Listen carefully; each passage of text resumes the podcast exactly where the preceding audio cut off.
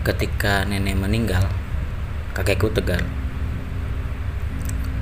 Tapi aku tahu raut di wajahnya menyimpan rasa sedih yang mendalam. Bagaimana nggak sedih? Coba kalian pikir, kita ditinggal selamanya oleh orang yang kita sangat kita cintai, yang menemani kita selama berpuluh-puluh tahun. Tapi yang uniknya, kakekku malah mengomel-ngomel. Dasar, pergi duluan aja dia, kata kakekku sambil menahan tangis tentunya. Sementara yang lain langsung sibuk memandikan dan hendak menguburkan jenazah nenek. Saudara-saudara yang masih tinggal satu kampung pun datang, juga para tetangga. Mereka berbela sungkawa. Aku langsung izin ke kepala jurusanku kalau aku nggak masuk sekolah karena nenek aku meninggal. Temanku pun datang untuk menghibur aku. Selepas meninggalnya nenek, kakek selalu minta aku buat nemenin dia tiap malam. Entah itu buat tidur atau kadang mijitin dia. Atau kalau dia butuh apa-apa, makan atau minum, jadi aku siapkan. Kadang ketika aku mijit, dia itu cerita soal penjajahan Jepang dan Belanda Gue dengerin secara seksama. Nah ternyata aku menikmatinya. Kakek pernah cerita waktu penjajahan Belanda. Waktu itu waktu itu posisinya dia sedang bekerja. Ada temannya yang belum dapat upah. Dia langsung bilang kepada pengawas atau ya dikatakanlah petugas yang mengawasi orang-orang yang lagi kerja dan temannya itu langsung dikasih upah ada juga cerita ketika makan siang di istirahat, kakekku dan teman-temannya itu dibawakan roti yang besar katanya. Diwa pakai gerobak atau apa gitu. Aku sih nggak tahu detil besar atau gedenya segimana. Ya mungkin mungkin 30 cm mungkin panjang. Entahlah. Jadi semua pekerja di sana itu kebagian roti. Tapi ketika penjajahan Jepang, kata kakekku itu jauh lebih kejam dan kakek nggak pernah cerita soal penjajahan Jepang.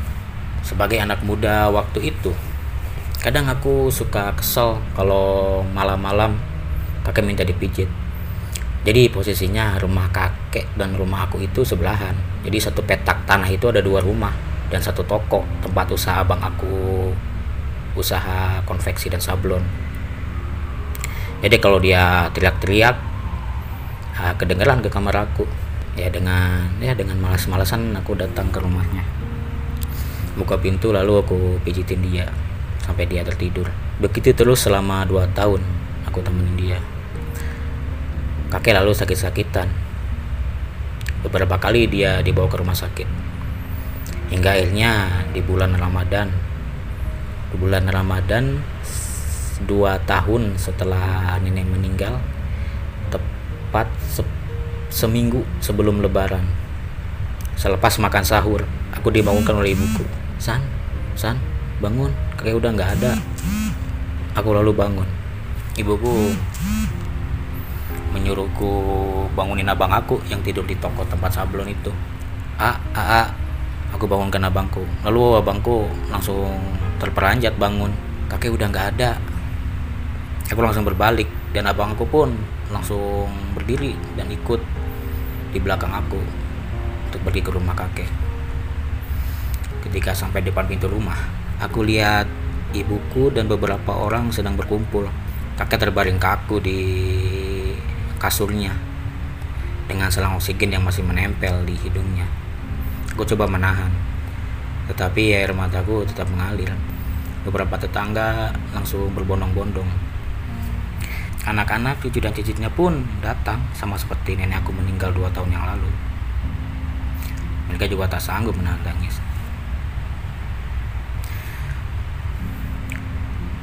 Jujur, waktu meninggalnya nenek, aku tidak terlalu sedih.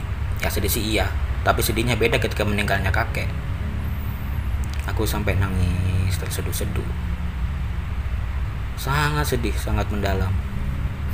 Mungkin karena aku ingat kenangan dua tahun bersama kakek mijitin dia nemenin dia tidur kadang aku gosokin tubuhnya ketika dia mandi membuang air pipisnya yang ada di pispot atau membersihkan kotorannya yang berceceran di lantai karena kakekku udah nggak sanggup jalan lagi. Setiap malam kami bersama, hampir tiap malam.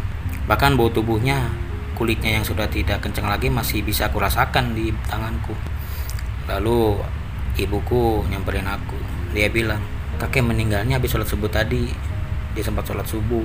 Sebelum meninggal dia malah doa minta diampuni dosa-dosanya kakek dan nenek ini dari ibu aku ya bukan dari bapakku dari bapakku waktu itu tersisa cuma nenek sebab kakek dari bapakku itu kakek dari bapakku itu udah meninggal ketika aku masih kecil dan selepas mereka berdua meninggal kadang aku ke makam aku lihat makam mereka yang bersebelahan. Kadang aku ingin bilang sama kakek nenek aku ini cucu kalian Hasan. Maafin Hasan ya belum bisa jadi apa-apa. Cucu dan cicit kalian udah pada sukses. Cuma tinggal Hasan yang masih begini-begini aja. Hasan ini payah kek. Hasan rindu kakek. Semoga dosa kalian diampuni dan mendapat nikmat kubur. Hasan mau kita kumpul di akhirat nanti lalu ke makam nenek yang di sebelah kakek aku ingin banget bilang nek ini Hasan. Cucumu yang kadang kamu tangisi kalau pergi jauh. Hasan juga sayang sama nenek. Insya Allah kita akan bertemu lagi nek. Sebagai seorang yang senang baca dan nulis kadang aku sering mencari kisah-kisah romantis. Ya siapa sih yang gak suka kisah romantis? Apalagi kalau dari kisah nyata. Karena kita membayangkan kan kita jadi orang tersebut atau kita membayangkan kejadian orang tersebut di masa lalu. Tapi ketika aku melihat cinta kakek dan nenek itu aku jadi sadar. Aku melewatkan kisah yang sangat indah. Kisah tersebut ada di depan mata aku yaitu cinta mereka. Mereka langgeng sampai ajal menjemput. Bahkan meninggalnya pun seperti kayak janjian nenek seminggu setelah Ramadan. Kakek dua tahun kemudian seminggu sebelum lebaran. Itu kisah cinta terhebat yang pernah aku saksikan